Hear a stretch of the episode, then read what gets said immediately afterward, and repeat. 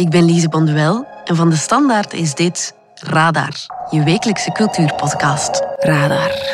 Radar. Radar. Radar.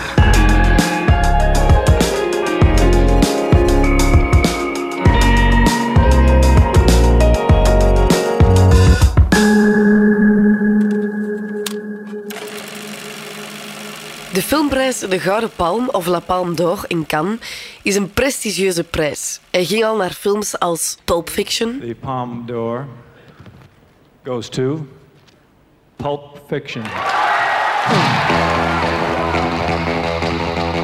Wild at Heart van David Lynch. La Palme d'Or 90, Wild at Heart de David Lynch. La Vie d'Adèle. Il s'agit de Adèle, Léa et Abdelatif Keshish. En vorig jaar naar Titan. The Palme d'Or, Titan.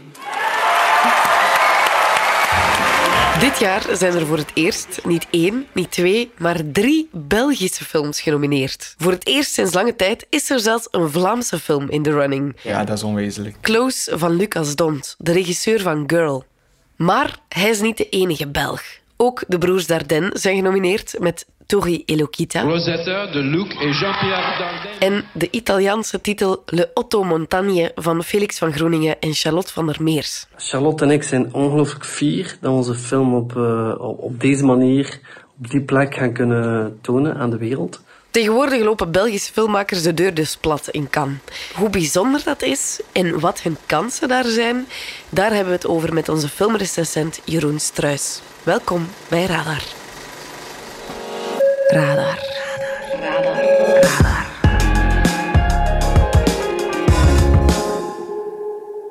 Jeroen, vier Belgische films op het filmfestival van Cannes. Dat is toch zot? Of hoe bijzonder is dat eigenlijk? Dat is toch wel uniek volgens mij hoor. Uh, en zeker dan uh, drie van die vier films spelen in competitie mee ja. voor de Gouden Palm. Ja, dat is absoluut uh, nooit vertoond. Er zijn wel natuurlijk al Belgische films eerder in, in Cannes in competitie geweest. Hè. Vorig jaar Joachim Lafos bijvoorbeeld. Hè. En de Dardens zijn natuurlijk ons bekendste voorbeeld. Die jongens, die, die twee broers, hebben daar al twee Gouden Palms gewonnen. En maken dus nu kans voor een derde Gouden Palm. On est très heureux évidemment d'avoir gagné cette palme. Met hun negende selectie in competitie. Hè. Dus dat is gewoon al uh, ja, indrukwekkend op zich. Hè. Hun nieuwe film met Tori e Lokita ja. gaat over twee minderjarige migranten uit Afrika in België die een vriendschap hebben onder elkaar, een jongen en een meisje.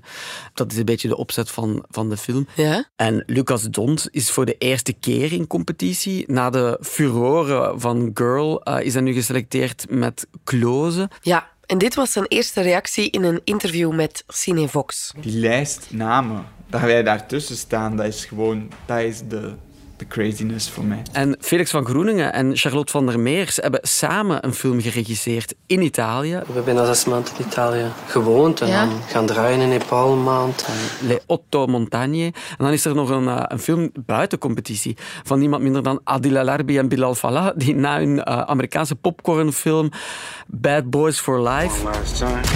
One last time. Dit keer uh, teruggekeerd zijn naar het Molenbeek van Black voor uh, Rebel, die ook in Cannes in première zal gaan. Ze hebben die uh, film opgenomen met onder andere de jongere broer van Adil Alabi, Ah. speelt erin mee. Ja. En uh, Abu Bakr Bensai, die uh, je misschien nog kent van een film Black. Peut-être que tu devrais quitter Black Bronx. Je veux pas quitter les Black Bronx. Tu veux pas of tu peux pas. Uh, waar die in speelde. En waar we sindsdien eigenlijk niet zo heel veel Nee. meer van gehoord hebben. Dus ik ben wel blij uh, om die terug te kunnen zien acteren. Want ja, die was wel uh, geweldig in die film. En je hebt nog geen eh, sneak peek gekregen? Het officiële antwoord is nee. Dat, is, eh, dat zijn eh, slimme woorden.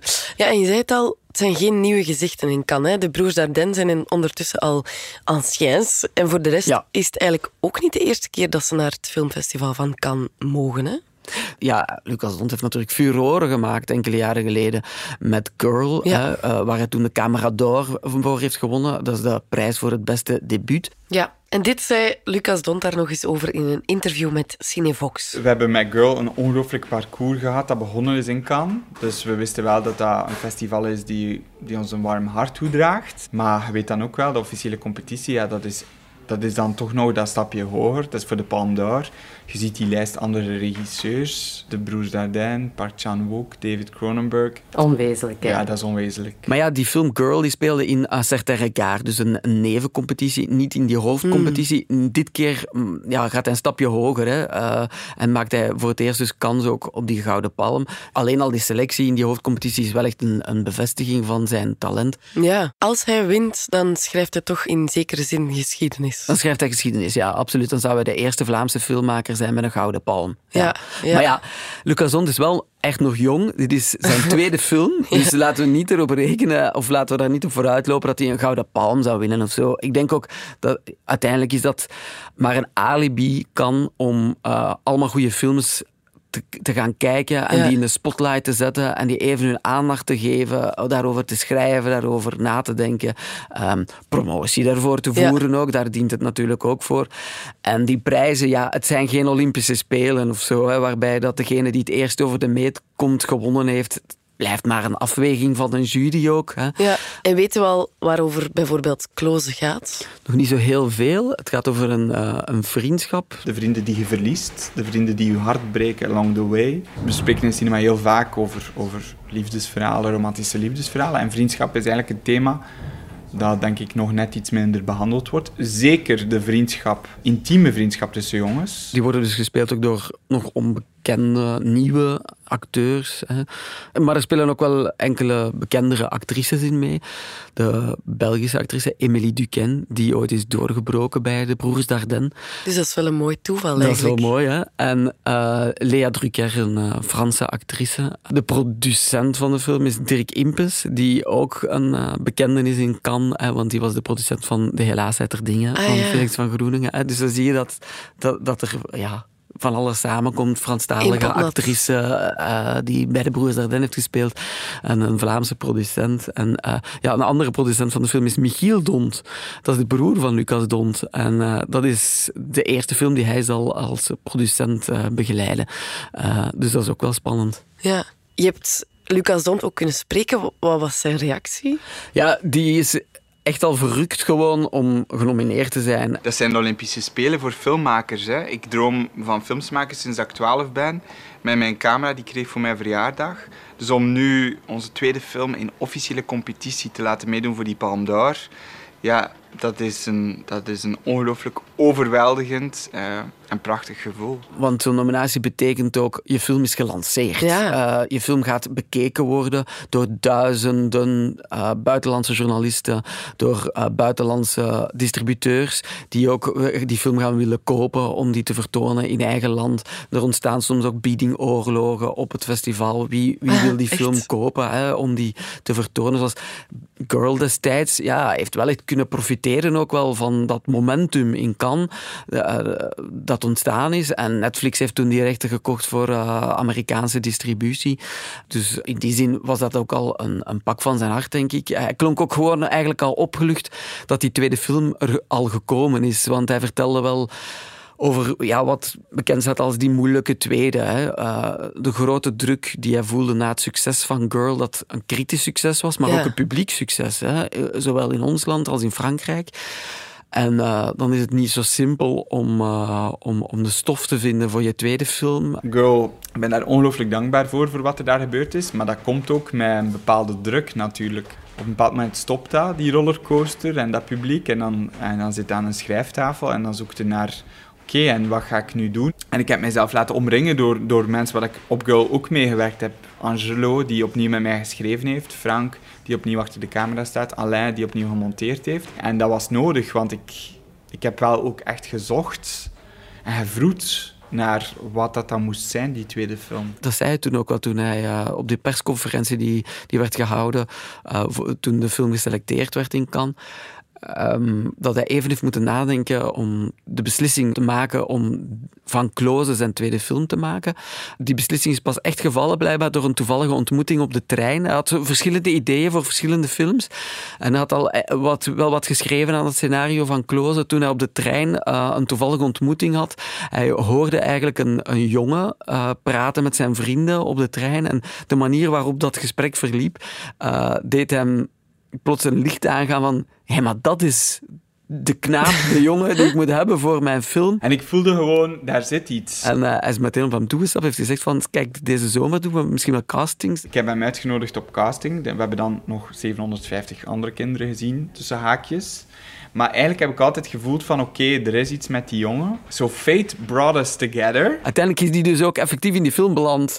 Uh, dus zo kan het gaan. Als je Lucas Ont op een trein treft, dan uh, ja, voor vooral... je het weet zit hij in zijn film. Wie er ook al aanwezig was, was um, ja, Felix van Groeningen ook. Die is ook al eens in Cannes geweest, inderdaad. Uh, in de Cannes de realisateur. Een, een, een nevenselectie, hè, met de helaas er dingen. Ga zijn een ander. Ga zijn een strop, hè. Wil een ander heeft toen ook wel furoren gemaakt. Onder andere door uh, met de hele uh, ploeg, uh, Koen de Graven en Johan Heldenberg, naakt over de croisette te fietsen. Dat heeft toen ook wel ruim de media gehaald.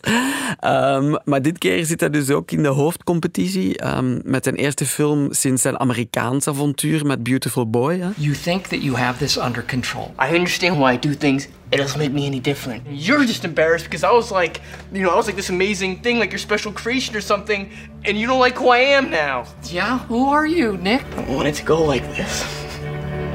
Le Otto Montagne in Italiaans uh, is een verfilming van een prachtig boek van Paolo Cognetti. Uh, dat je hebt het gelezen ook, hè? Uh, ik heb het al gelezen, ja. Want uh, eigenlijk heb ik het pas beginnen lezen, moet ik toegeven, toen ik wist Felix van Groeningen gaat het verfilmen. Toen dacht ik, ik moet mijn huiswerk doen, ik moet, die, ik moet dat boek lezen. het speelt zich helemaal af in de Italiaanse Alpen. Het is een verhaal dat zich afspeelt in, in de Italiaanse Alpen. En dat gaat over vriendschap tussen twee jongens, die mannen worden ook. En um, uh, het is een hoopvol en, en warm verhaal. En Felix van Groening is, is het samen met uh, Charlotte van der Meers, uh, ja. zijn, zijn vrouw, daar gaan opnemen ook. We hebben bijna zes maanden in Italië gewoond en ja. dan gaan draaien in Nepal een maand. En, ja. Het was veel door weer en wind, op, op bergflanken, ehm, op allerlei manieren naar boven proberen geraken, te voet, met snowscooters, helikopters, jeeps, rammelend over stenen. Het was echt wel avontuurlijk. Charlotte van der Meers heeft bij vorige films van Felix van Groeningen ook wel al meegewerkt achter de schermen. Uh, bijvoorbeeld in scenariofase. Maar het is de eerste keer dat ze, ze werken toch wel nauw samen ook wel, merk je, als je hen uh, gaat interviewen. Maar dit is de eerste keer dat ze ook echt als regisseuse naar voren treedt. Uh, dus ze hebben het in duo gemaakt. En ze zijn het gaan opnemen in die Italiaanse Alpen echt ook op die plek waar die schrijver van dat boek, Paolo Cognetti, ook woont. Uh, dus er, is dus een grote vorm van authenticiteit en ik denk dat dat ook een sleutelwoord is in, eh, in het uiveren van uh, Felix van Groeningen. En hij werkt ook opnieuw wel met um, de mensen waar hij eigenlijk al heel zijn carrière mee werkt. Uh, monteur Nico Leunen en uh, chef fotografie Ruben Impes, die zijn ook allemaal meegegaan naar daar. Maar de, ja, de vertolkingen gebeuren wel door Italiaanse acteurs. Uh, de, en de belangrijkste rol zal zijn voor uh, Luca Marinelli. Ho conosciuto una sera in un bar Napoli. Venuto fuori che facevo il marinaio sull'Americo Vespucci. Dat is een fantastische Italiaanse acteur die misschien nog niet zo heel erg beroemd is in België. Um, Martin Eden was een Italiaanse film waar hij de hoofdrol in speelde. È inutile che ci provate, a me non mi fregate. A me non mi fregherete mai! Dat was een prachtige film uh, waar, waar die Marinelli in spelen. En toen al dacht ik van, dat is eigenlijk een absolute filmster, die man. Dat is een grote, reizige Italiaanse acteur die, ja, die echt kan acteren. En, dus uh, ik ben heel benieuwd. Uh, waarschijnlijk zijn ze op dit moment nog aan het monteren, hè, want heel veel van die films worden nog vrij last minute afgewerkt. We zijn gewoon heel content en, en we moeten er nu eigenlijk echt keihard nog aan doordoen. Um, want hij is af, de montage is af, maar er moet nog wel best wel wat gebeuren om hem, uh, om hem uh, effectief te kunnen tonen. Dus de komende weken wordt hard werken. Maar we kijken er naar uit. Daar is Felix van Groeningen zeker niet de enige in. De Dardens hebben uh, bij een vorige film hebben ze zelfs nog een extra cuts in de montage gedaan na de vertoningen in Cannes. Hè. Dus er wordt echt last minute gewerkt. En uh, ja, dat is ook een deel van de spanning die ja. er hangt rond zo'n festival. Ja, want ik was dus weer enthousiast trailers beginnen opzoeken, maar die zijn dus nergens te vinden. Er zijn, er zijn nog amper, denk ik, trailers bekend. Er zijn soms zelfs nog amper uh, beelden bekend van de, van de films. Ja, dat, dat is allemaal deel van de ja, wereldpremière in, in Cannes. Ja, die jij binnenkort gaat, uh, gaat zien. Ja. Radar. Radar. Radar.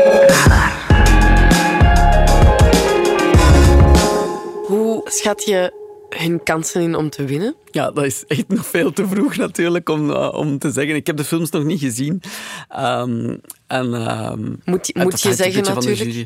Nee, maar is ook echt zo. Uh, zeker die Belgische films heb ik nog niet gezien. En het hangt, ja, het hangt af van, van de smaak, de zin van de jury. Uh, ja, hebben ze zin om een hele nieuwe, uitdagende film te bekronen, zoals vorig jaar bij Titan? Enfin, vous savez, il n'y a, y a pas de risque que la plaque bouge dans sa tête, hein Non. Sauf en cas de choc violent. C'est très solide. Hein. C'est en titane. Of hebben ze zin om ja, eigenlijk het uiveren van een filmmaker te bekronen uh, die nog nooit eerder in de prijzen is gevallen? Uh, of vinden ze dat de broers Dardenne echt die derde Oscar, dat record, uh, mogen verbreken? Vous voulez dire une troisième, est-ce que ça nous changerait?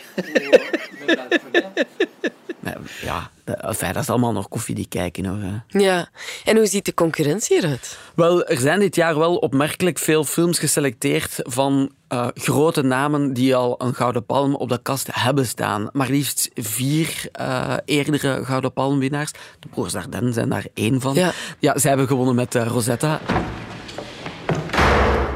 Je m'appelle Rosetta. En, en L'Enfant. Il est où, Jimmy J'ai vendu.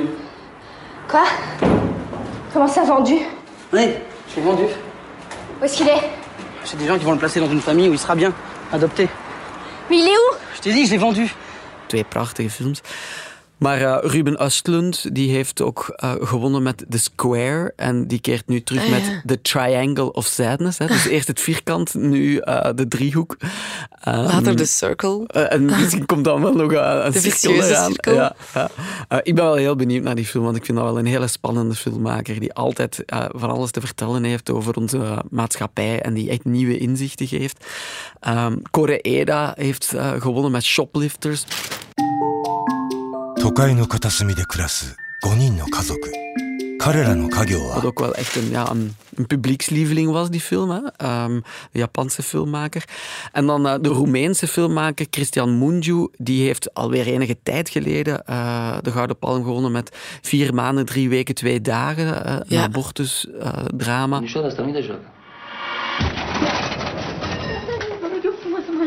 je pula mea, mă, tu crezi că mă prostești pe mine ca pe ultimul fraier? En uh, die heeft nu ook weer een film in competitie. Maar er zit bijvoorbeeld ook een grote naam bij als David Cronenberg, um, die uh, lijkt terug te keren naar zijn uh, favoriete genre van de body horror. It is time to stop seeing. It is time to stop speaking een beetje een buitenbeentje in zo'n competitie. Een genrefilm, dat, dat, vind je niet zo heel veel terug dan. En daar ben ik dan ook wel echt heel benieuwd naar. Uh, dat gaat dan misschien zo'n spannende, aparte film zijn tussen de waarschijnlijk ook weer veel uh, doodernstige drama's. Hè. Die, die kan ook wel vaak dood. Radar.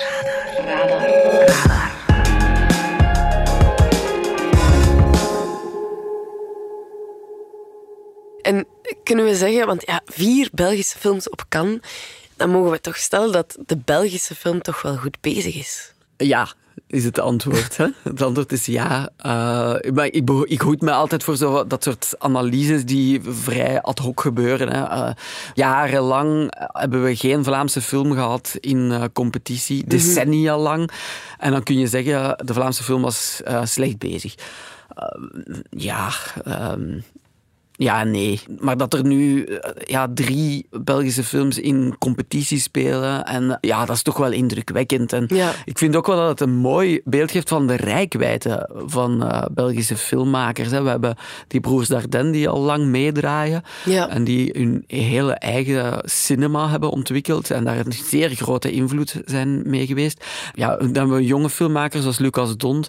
We hebben um, Adil El Arbi en Bilal Fallah die ook echt hun eigen parcours afleggen die met Bad Boys for Life zo'n ja, een heel uh, een echte popcornfilm, een Amerikaanse popcornfilm hebben gedraaid. En nu dan terugkeren naar Molenbeek en waarschijnlijk ja. een meer Europese arthouse uh, film uh, zullen afleveren.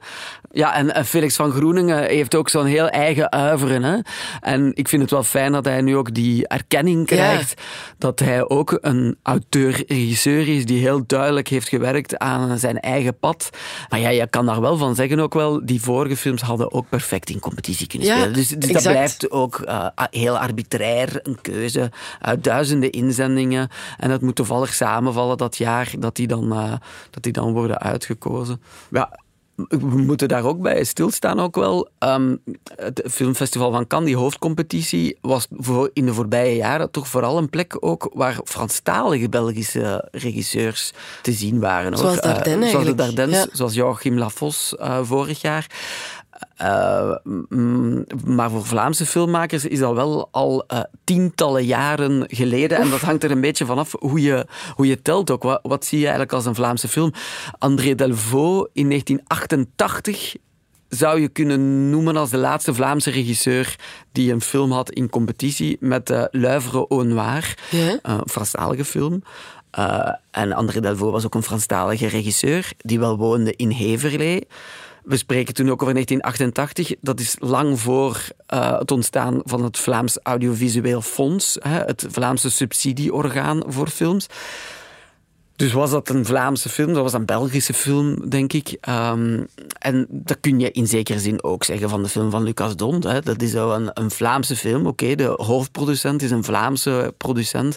De film zal opnieuw, net zoals Girl, grotendeels Franstalig gesproken zijn, mm. met ook wat Nederlands in. Uh, Lucas Dont zichzelf op een spontane manier dat hij die twee talen daarin verwerkt heeft. Um, dus ja, ook dat is toch ook een, een Belgische film. Uh, ja. en, en Lucas Dont noemt het zelf ook een Belgische film. Treedt zelf naar voren als Belgische regisseur. Uh, dus ja, dat is op zich ook een kunstmatig onderscheid ergens. Ja. Um, 17 mei is het zover. Dan gaat het festival door. Je gaat er zelf ook naartoe. Um, naar welke film kijk je zelf het meest uit? Ja, ik moet zeggen, het is nu wel echt een uniek momentum geworden hè, met, met al die Belgische films. Dus um, daar kijk ik wel echt heel hard naar uit. Um, en, dan, um, en dan kijk ik heel hard uit naar de film van David Cronenberg. Uh, die, met, ja, die, die, die nu lijkt... Je genre, hè? Helemaal ik zie de pretlichtjes in je ogen. Ja. Um, maar, maar hoe dan ook, je weet nooit wat je gaat krijgen op, het, op zo'n filmfestival. En uh, dat is de schoonheid ervan. En ik, ik denk dat we ook nog altijd wel... De, de filmindustrie is nog altijd aan het terugkeren van die coronacrisis, die echt lelijk heeft toegeslagen in uh, de bioscoopsector. Ja. Um, en Cannes is ook een filmfestival om dat te, uh, te lanceren. Ik denk dat er nog wel heel wat filmmakers zijn die de, van die coronacrisis ook gebruik hebben gemaakt om tijd te nemen, om na te denken over hun nieuwe film en tijd te nemen om die op te nemen, om die te monteren. En dus denk ik dat dit wel eens een hele straffe editie zou kunnen worden. En een klein pronostiekje, Jeroen. Wie wint dit jaar de Gouden Palm? Puur ook buikgevoel. dat kun je echt nog niet zeggen.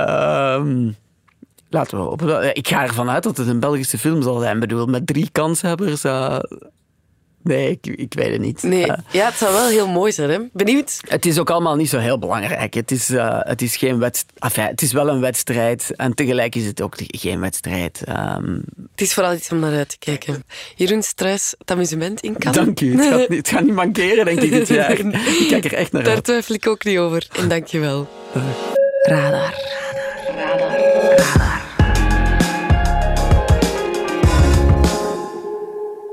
Zoals elke week sluiten we af met een suggestie van de chef cultuur van de Standaard.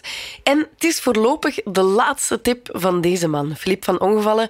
Onze chef cultuur zoekt helaas andere orde op binnen de Standaard. Dus ik zou zeggen, laat zijn tip maar extra goed binnenkomen. Ik ben naar een Noorse serie aan het kijken die ik zou willen tippen, omdat ze ook iets zegt over de wereld waarin we leven. Uh, ze is te bekijken op Mylum TV en heet State of Happiness.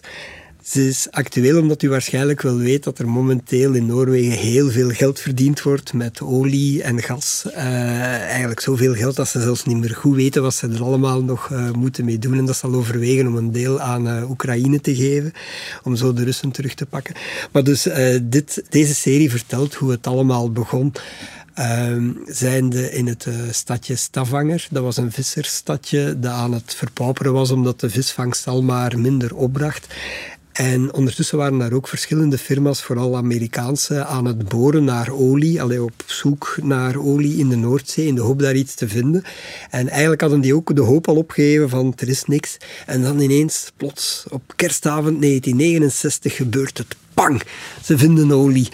En de serie vertelt het verhaal van hoe het land met die nieuw verworven rijkdom, uh, hoe het land daarmee moest omgaan. Maar uh, je ziet ook hoe die, uh, die vondst een hele gemeenschap eigenlijk door elkaar klutst. En dat ligt allemaal niet zo voor de hand. En een land opbouwen heeft zijn prijs, zoals uh, iemand zegt. En we leren dat allemaal kennen aan de hand van de levens van vier jonge Noren. Twee mannen, twee vrouwen. Er zit natuurlijk een liefdesverhaaltje in. En meer dan één ook, wat wel leuk is. En dan... Um, in het tweede seizoen maken we een tijdsprongetje naar 1977, wanneer de olieindustrie zich al uh, gezet heeft. En uh, dus er wordt volop olie opgepompt. Daarbij worden de arbeidsvoorwaarden uh, wel eens met de voeten getreden. De veiligheidsvoorschriften worden niet gevolgd. De mensen moeten veel te lang werken. En het gevolg is, er gebeurt een olieramp. Nog niet zo'n hele grote, maar het uh, schudt het land wel, wel wakker. Dus de, in dit nieuwe seizoen zit dus de milieuproblematiek. Maar het wordt wordt evengoed het feminisme wordt aangeraakt. Het gaat ook nog altijd heel snel voor veel mensen. Een van die personages zegt ook van alles is zo nieuw en anders. Ik begrijp de wereld niet meer. Het is een gevoel dat wij uh, deze dagen ook wel eens zouden kunnen hebben. Of ik toch. Maar heel veel meer kan ik er nog niet van uh, zeggen, want ik zit nog maar in de uh, eerste helft van het uh, tweede seizoen. Dus ik hoop dat u met mij meekijkt en het misschien met mij dan ontdekt of ook het tweede seizoen even leuk is als het eerste. Spannend. Radar, radar, radar, radar.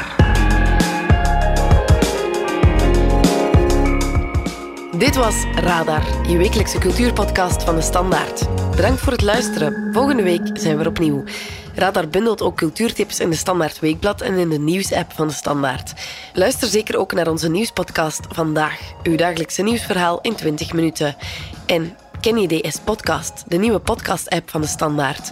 Daar luister je niet alleen naar alle onze journalistieke reeksen, je krijgt ook elke week een eigenhandige selectie van onze redacteurs en je vindt er ook al je persoonlijke favorieten. Download de app nu gratis.